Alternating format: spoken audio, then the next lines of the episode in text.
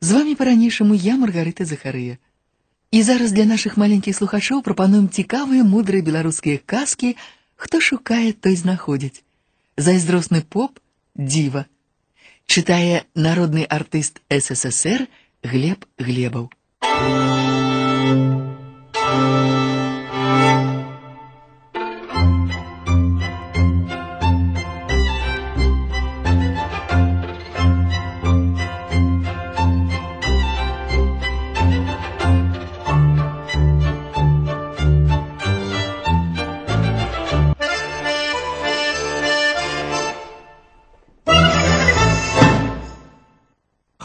побіў усё на полі. Сонца рэшткі дапаліла.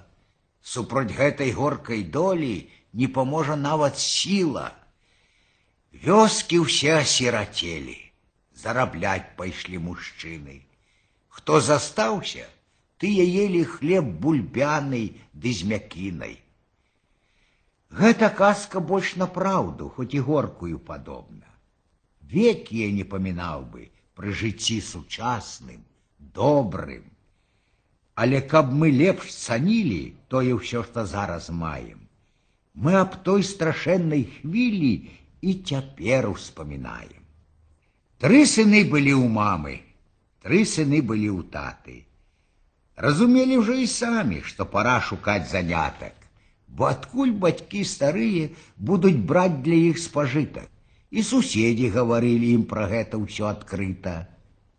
Вось аднойчы, нейкім святам пры снеданні тата кажа: « Бедна, хлопцы, наша хата, і нясмачна наша каша.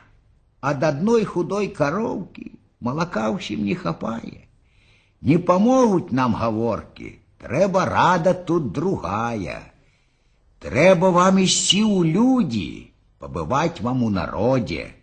Хто пытае, той не блудзіць, хто шукае, той знаходзіць. Справа ясна, як сонца. Спрэчак жадных быць не можа. Падняліся зразу хлопцы рыхтавацца ў падарожжа. Сын старэйшы просіць тату. Дай пінжак ты мне ў дарогу, бачыш сам, халаднавата, будзе ўсё ж мне дапамога. Усміхнуўся тата сыну. На, сынок, хоць ён апошні. Больш работай грэй ты спіну ля варштата ці на пожні. Сын сярэдні ў матулі, на разжыву просіць так жа. Дай медяную каструлю, есці ў ёй смачней насмажаць. Хоць одну каструлю маю, заберы яе сабою. Толькі ўсё ж табе параю. Спадзявайся не на тое. Калі будзеш працавітым, знойдуць людзі частаваць чым. Будзе стол заўжды накрыты, не спытаюць посуд матчым. Сын малодшы не пытае ў сваіх бацькоў нічога. А табе, сынок, якая трэба з хаты дапамога. Калі вы дазвол дасцё мне, цвік адзін хацеў бы ўзяць я, каб пра хату нашу помніць і на вас не забывацца. Задзівіўся крыху тата. Вельмі просьба ўжо малая, а браты смеюцца з брата. Э, голова его дурная. Што ж, сынок, бацькі гавораць, мы табе ў тым не адмовім. Выбірай, які каторы. Нас не ўспомні дрэнным словам. Я вось той возьму, што вешаў, кладучыся спаць адзежу. Для мяне ён самы лепшы, будзе памяткай мілейшай. Абцугамі цвік ён вырваў на ўспамін і дапамогу, а браты з усмешкай хітрай паглядзелі на малога. Развітаўшыся з бацькамі, у свет пайшлі ад іх сыны ўсе, а малодшы меншы самы на пагорачку спыніўся. Шапку зняў і глянуў моўчкі на сваю старую хатку, дзе хусцінкай цёрла вочы па сынах вандроўцах матка. Падышлі да раздарожжа, там спыніліся ўсе трое. Кажуць большыя варожа. Сцежкай ты ідзі другою. Мы ўсё ж таки маем нешта. Я пінжак, а ён каструлю. Хоць прадаць іх можна зрэшты, калі будуць плечы муляць. А з цвіком, які ты дольнік, ён нічым не дапаможа. Што ж, браточки, у наваколлі много сцежак і дарожак. Меньшы брат ідзе ад ранку, сонца стало на обеде. Бачыць, перад ім фурманка по дарозе торна едзе. Раптам адляцела кола, покатилася з дарогі. Вось схілілася дадолу, чарканула як нарогам. Тут адразу коні сталі. Злез фурман, а хто не злез бы, толькі крэкча. Эх, крыху б сталі, цікавалачак жалеза, а не лесу, а не вёскі, толькі поле ды камене. Ой, загвоздка ды загвоздка. Стаў фурман у задуменні. Падыходзіць хлопец. Дядя, не гаруйте, цвік я маю, зараз з вами ўсё наладзім, і з кішэні цвік вымае. Толькі вас папераджаю. Цвік мне дораг з роднай хаты. Вам яго я пазычаю, будзе ён назад узяты. Засмяяўся падарожны. Хлопец, бачу, ты гарэза. Цвіка даць бясспрэчна можна. У кузні знойдзем мы жалеза. Падкацілі хутка кола, тым цвіком замацавалі, стаў ізноў фурман вясёлы. Ну, сядай, поедем, малец. Мы у кузні все подправим, а табе, сынок, подяка. Вельмі добра выйшла справа, і дадумаўся б не ўсякі. Толькі ён крануў за лейцы, конец зразу поўным ходам. Так даехалі да месяца без ніякае прыгоды. Кавалю маленькі клопат. Мерку зняў, адсех жалеза, попаліў, у руки молот і загвоздка ў вось полезла. А малы ўсё разглядае. Тут ему ўсё цікава. Кажа, музыка якая. Эх, і добрая у вас справа, засмяяўся майстар гучна. Гэта так табе здаецца. Калі хочаш стаць падручным, ёсць якраз пры мне і месца. Сын ляжыць мой у бальніцы. Пакуль выйдзе, ты пабудзеш, а пачнеш пры мне вучыцца, рамяство сабе набудзеш, будзе харч табе, кватэра, дам і грошы за работу. Хлопец нават не поверыў, згоду даў з усёй ахвотай. Ля мехоў кавальскіх стаў ён, ля кавадла памагае. Працавіты хлопец, спраўны, што пабачыш, што спытае, стаў каваць памалу дробязь, а драбніц патрэбна многа. Ён і вучыцца, і робіць, на сваю ўзышоў дарогу. Хоць не майстар, але можа зарабіць кавалак хлеба, а яму ў падарожы больше пакуль не трэба. Але скончылася рата, трэба некуды падацца. Майстраў сын прыйшоў да хаты, з бацькам стаў ізноў на працу. Атрымаў хлапчына грошы, даў падзяку за навуку, зноў пайшоў падарожжа, клунак свой узяўшы ў руки. Многа ён прайшоў, ці мала, хто тут лічыць або мерыць. Солнце уже на захад стало, отчинило ночи двери. Бачить хлопець для дороги невеликий дом якісті, а при домі для порога дед стоїть і куртку чистить. Куртка з рук, як послізнеться, і на мокрую травицю. Треба вам приладить місце, каже хлопець. Дед свариться. Ад зямлі ўсяго тры пядзі, а мяне вучыць прыйшоў ты. Мы дзядуля ўсё наладзім, будзе месца для работы. Хлопец цвік дастаў з кішэні, камень зручны ўзяў на доле, цвік убіў ён у прысценне, деда зразу задаволіў. Той аж засмяяўся нават, як на цвік павесіў куртку, бо сваю закончыў справу за адну ўсяго мінутку. Ось дык хлопец, скуль ты гэткі?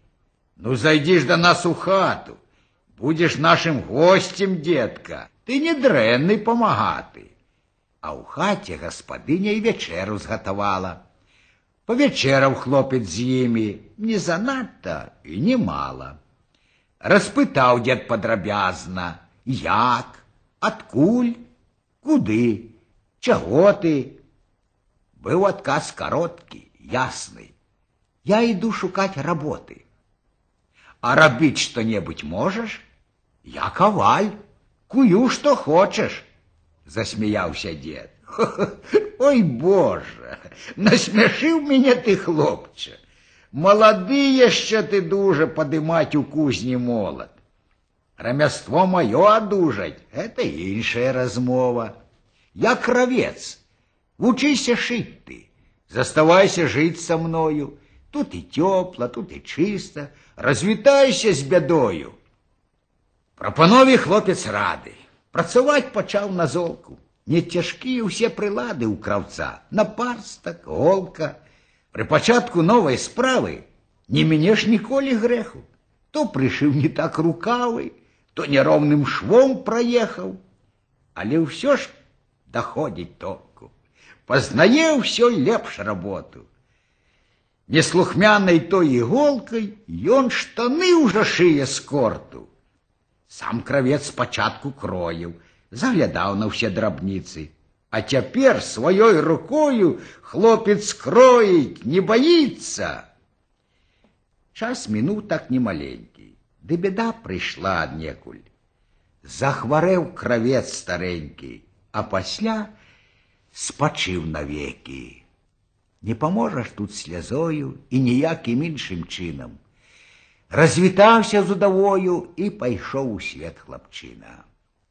Выдраў цвік ён свой з прыстення, што прынёс сюды калісьці, палажыў яго ў кішэню перад тым, як з хаты выйсці.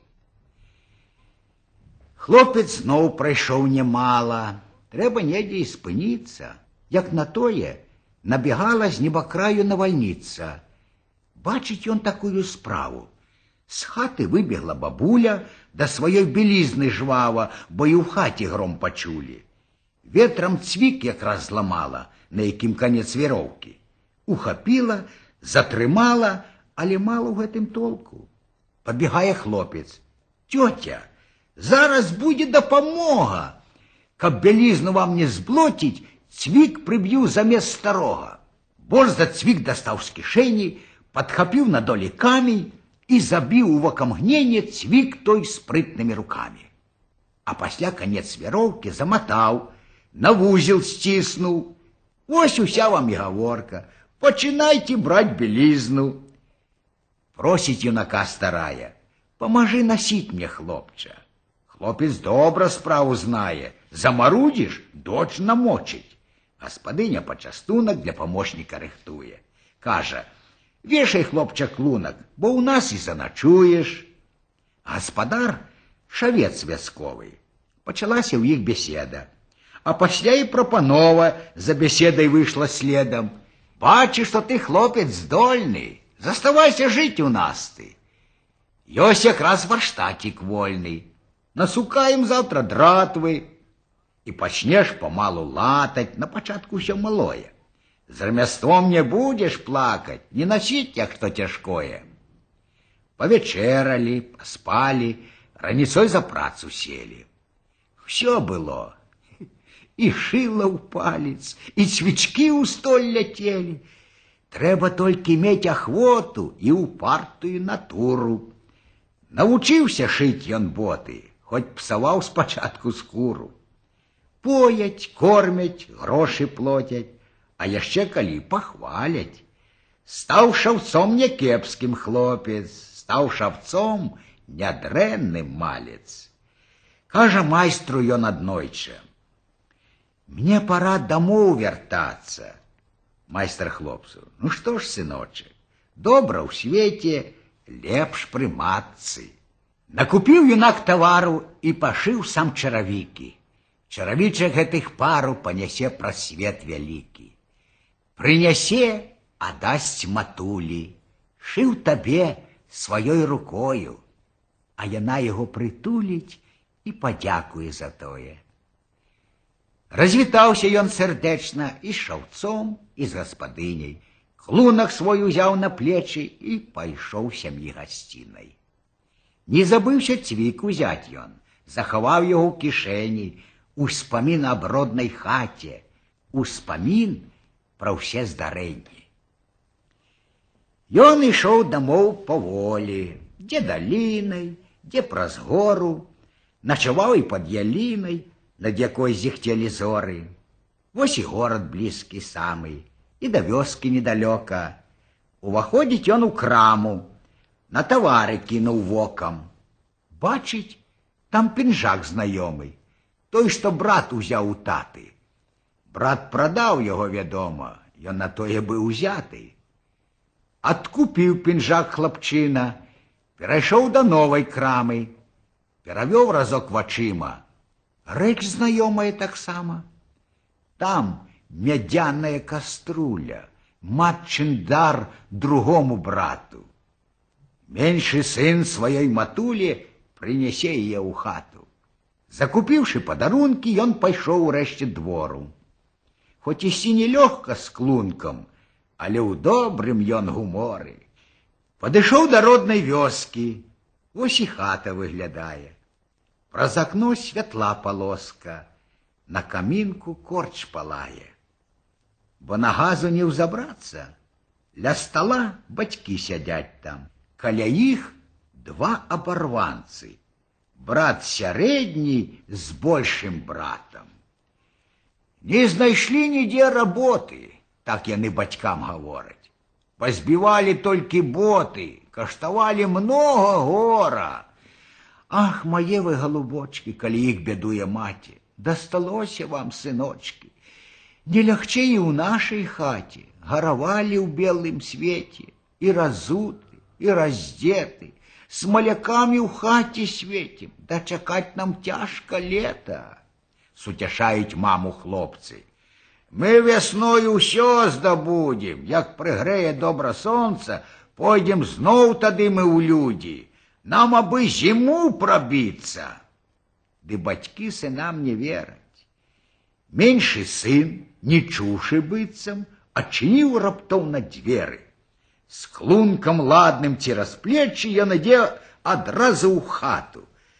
Добрый вечар, добрый вечар, дарагія мама, тата, я да вас прыйшоў урэшце.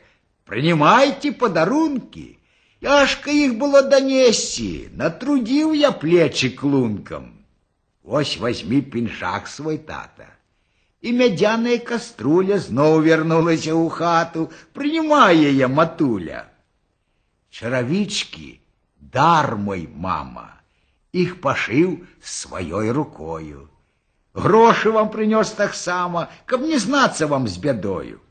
Я каваль, кравец, шавец я, звык да ўсякай работы. Зараблю, як мне здаецца, каб не знаць старым вам клопат. Вось і цвік, што ўзяў ад вас я. Ён памог мне і не дрэнна.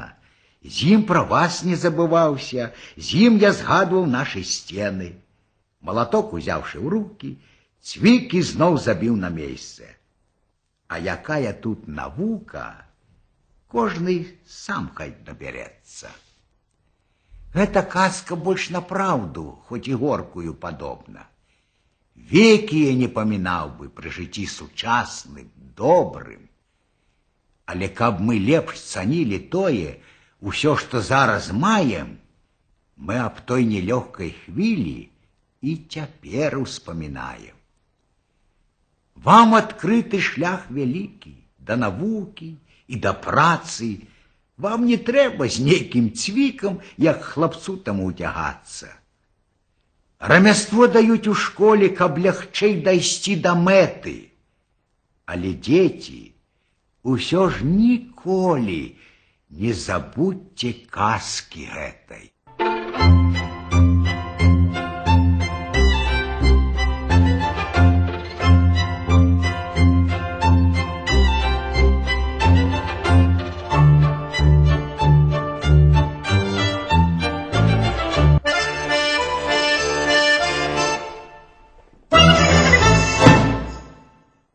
Жыў некалі ў адной вёсцы бедны чалавек. Не меў ён і кавалка хлеба. Памерла ў гэтага чалавека дзіця. Пайшоў ён папа прасіць, каб дзіця пахаваў. Добра, кажа поп, але дасі мне за пахаванне 10 злотых і асьміну збожа. Няма, кажа бедны чалавек у мяне ні грошы, ні збожа. Зрабіце, батюшка, ласку, я вам за гэта мазалём адраблю. Поп і слухаць не хоча. Калі няма чым заплаціць, то і хаваць не буду. Заплакаў бедны з гора, ды падаўся да хаты. Дома ўзяў рыдлёўку, палажыў дзіця ў старое карыта і панёс хаваць без папа. Прыйшоў на могілкі, пачаў яму капаць. А ўжо к зіме бралася. Земля замерзла, не бярэ яе рыдлёўка. Ідзе дарогаю старенькі дзядок. Добрый дзень, чалавеча, кажа. Добрый дзень, дзядуля. Што пытаецца дзядок? Зацвярдзела маці зямліца. Але, кажа бедняк, нават дамавіну роднаму дзіцяці выкапаць не магу. А ты, раі дзядок, паспрабуй капаць вунь каля тае рабіны. Можа, там мягчэй, сказаў так дзядок, ды пашоў сваёй дарогаю. Пачаў капаць бедняк пад рабінаю. Аж там і сапраўды зямля мягчэйшая. Капаў ён капаў і выкапаў гарлач з грашыма. Чырвонцы так і зяюць.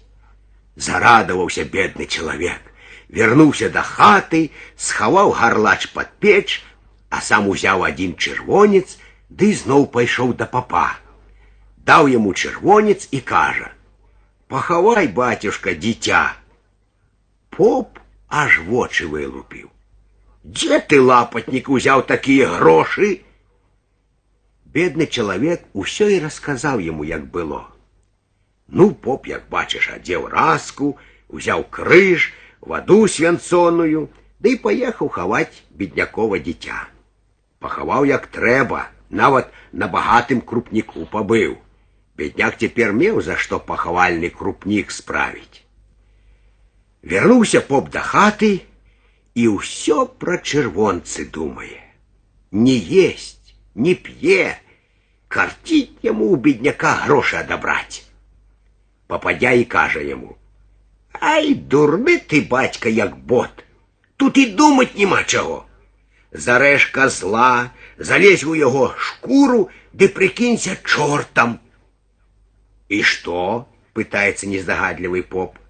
А потім подойди уночі під його окно, да й скажи, а дай мені гроші. І он спужається і отдасть.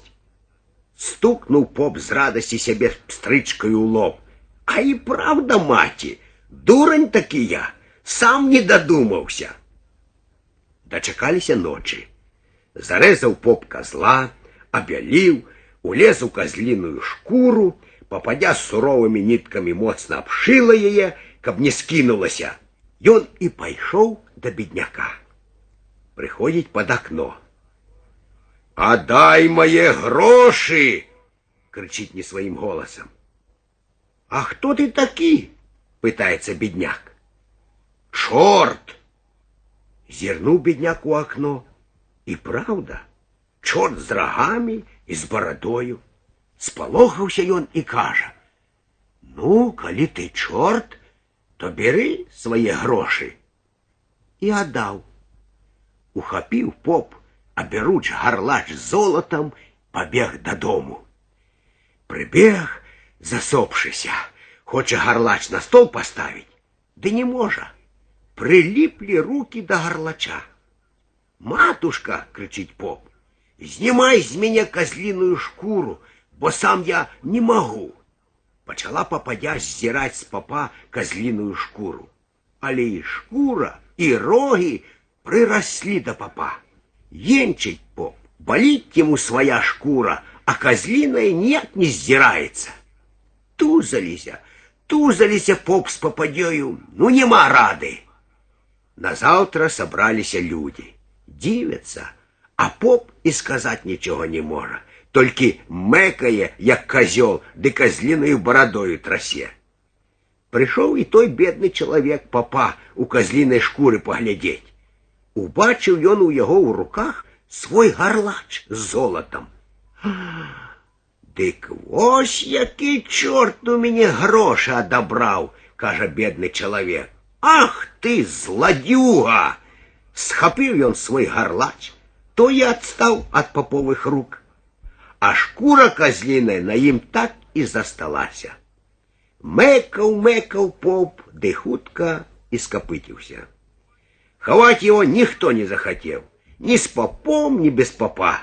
Завеслі у лес, ды кінулі ў роў, як падлу.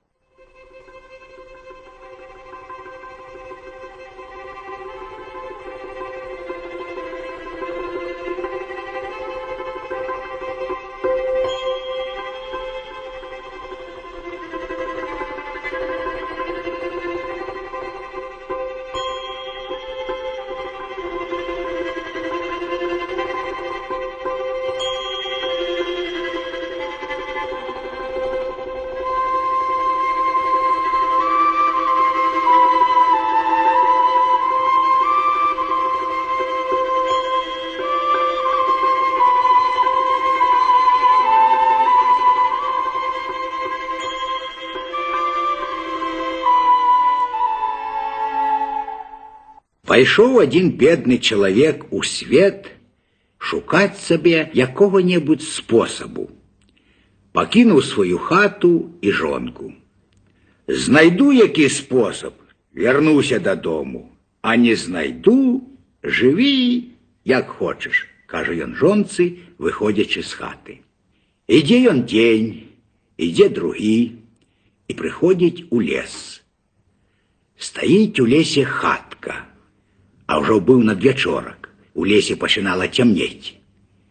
Дай думае чалавек, зайду паначую тут. Пастукаў у акенца. Хто там? пытае нехта з хаты. Падарожны. Што табе трэба? Будьте ласкавы, пусціце паначаваць. Адчыніліся дзверы. Увайшоў падарожны ў хату. Бачыць, у хатцы пуста, але чыстенька. У куце стаіць толькі адзін стол і дзве лаўкі, а за сталом сядзіць дзядок старэнькі. Сядай, кажа дзядок. Сядзяць яны, гамоняць, сядзяць гадзіну і другую, а нашаму падарожнаму есці хочацца а на столе ні скарыначкі хлеба. Вось дедок і кажа: « Ну, мый, брат, руки, ды за стол садзіся, бо бачу, ты есці хочаш. Памылі яны руки і за стол паселі. Вось дедок кажа: « Дзіва, ідзі ў хату жыва. Увайшоў у хату індык. Сячыся, рубайся, горшок накладайся, да огню прыстаўляйся і на стол падавайся. Індык сам зарэзаўся, сам абскупся, да огню прыставіўся, зварыўся і на стол падаўся. Еш, кажа дзядок, толькі касцей не грызі. З'елі яны ўсё мяса, косці палажылі на стол, а дзедок кажа: Дива, збирайся, ды за порог выбирайся. Дива собралася, соскочила со стола и пайшло за порог. Позирає подорожный и дивится. Ось, кажа, каб мне такое диво. Ай, продай ты мне его, детка. Я не продаю никому за гроши, а добрым людям и так отдаю і падарыў гэтае дзіва чалавеку. Узяў бедны чалавек індыка пад паху і пайшоў дадому. Рада жонка, што я чалавек вярнуўся, а ён кажа: « Ось прынёс я дзіва, Ты толькі паглядзі, што тут будзе. Накладі дроў у печ, а сама за стол садзіся. Наклала жонка ў печ дроў і села за стол. А гаспадар кажа: « Дзіва, ідзі ў хату жыва. Уваходзіць індык. Сячыся, рубайся, ў гаршчок накладайся, да агню прыстаўляйся, на стол падавайся. Дзіва само зарэзалася, абскублася, палажылася ў гаршчок, прыставілася да агню, зварылася і на стол падалося. З'елі яны ўсё мяса, а косці на стол палажылі.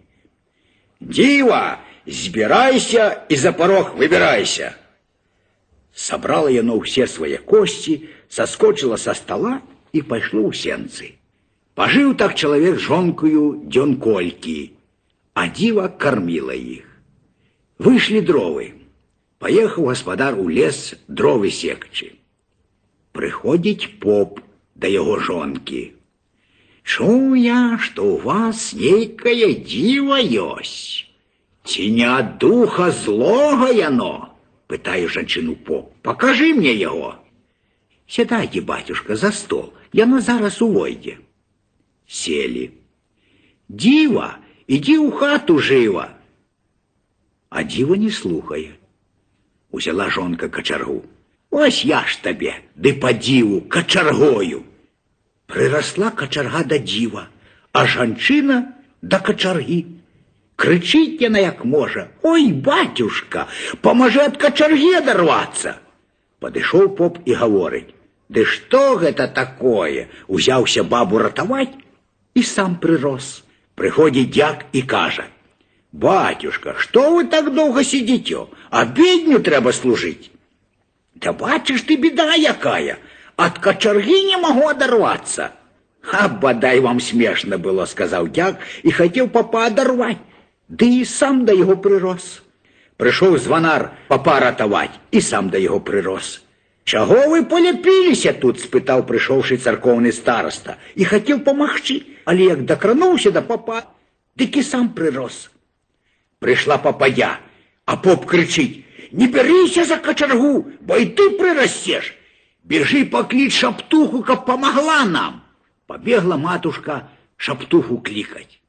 Прыйшла шаптуха. Шаптала, шаптала, узялася за качаргу і сама прырасла.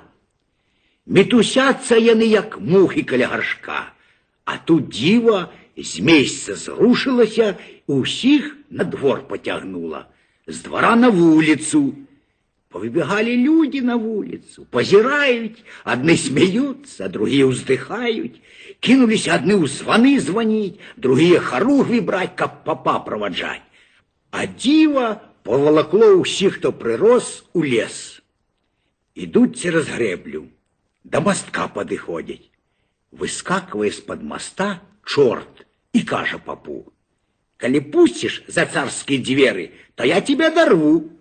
Поп не только за царские двери, а и на простол обещаю посадить черта, абы от кочерги оторваться помог. Узяўся чорт адрываць папа ад качаргі, ды і сам да яе прырос. І павяло іх дзіва ў лес туды, дзе гаспадар дровы сек. Высек гаспадар шэсць дубін, самую тоўстую на чорта, і давай лупіць яго прыгаварваючы. А ты чаго тут? А ты чаго тут? Біў, біў, а потым узяўся за качаргу, чорт адстаў. Пусціўся ён у лес бегчы ды так, што цэлую лінію і праламаў. Другую дубіну на папу пабіў. Пусціўся поп дадому бегчы, толькі валасы трасуцца і халаміда матаецца. Перабраў гаспадар усіх дубінамі, а свое дзіва на воз палажыў і прывёз дадому. Перастаў тады поп дзівам дзівіцца. Thank you.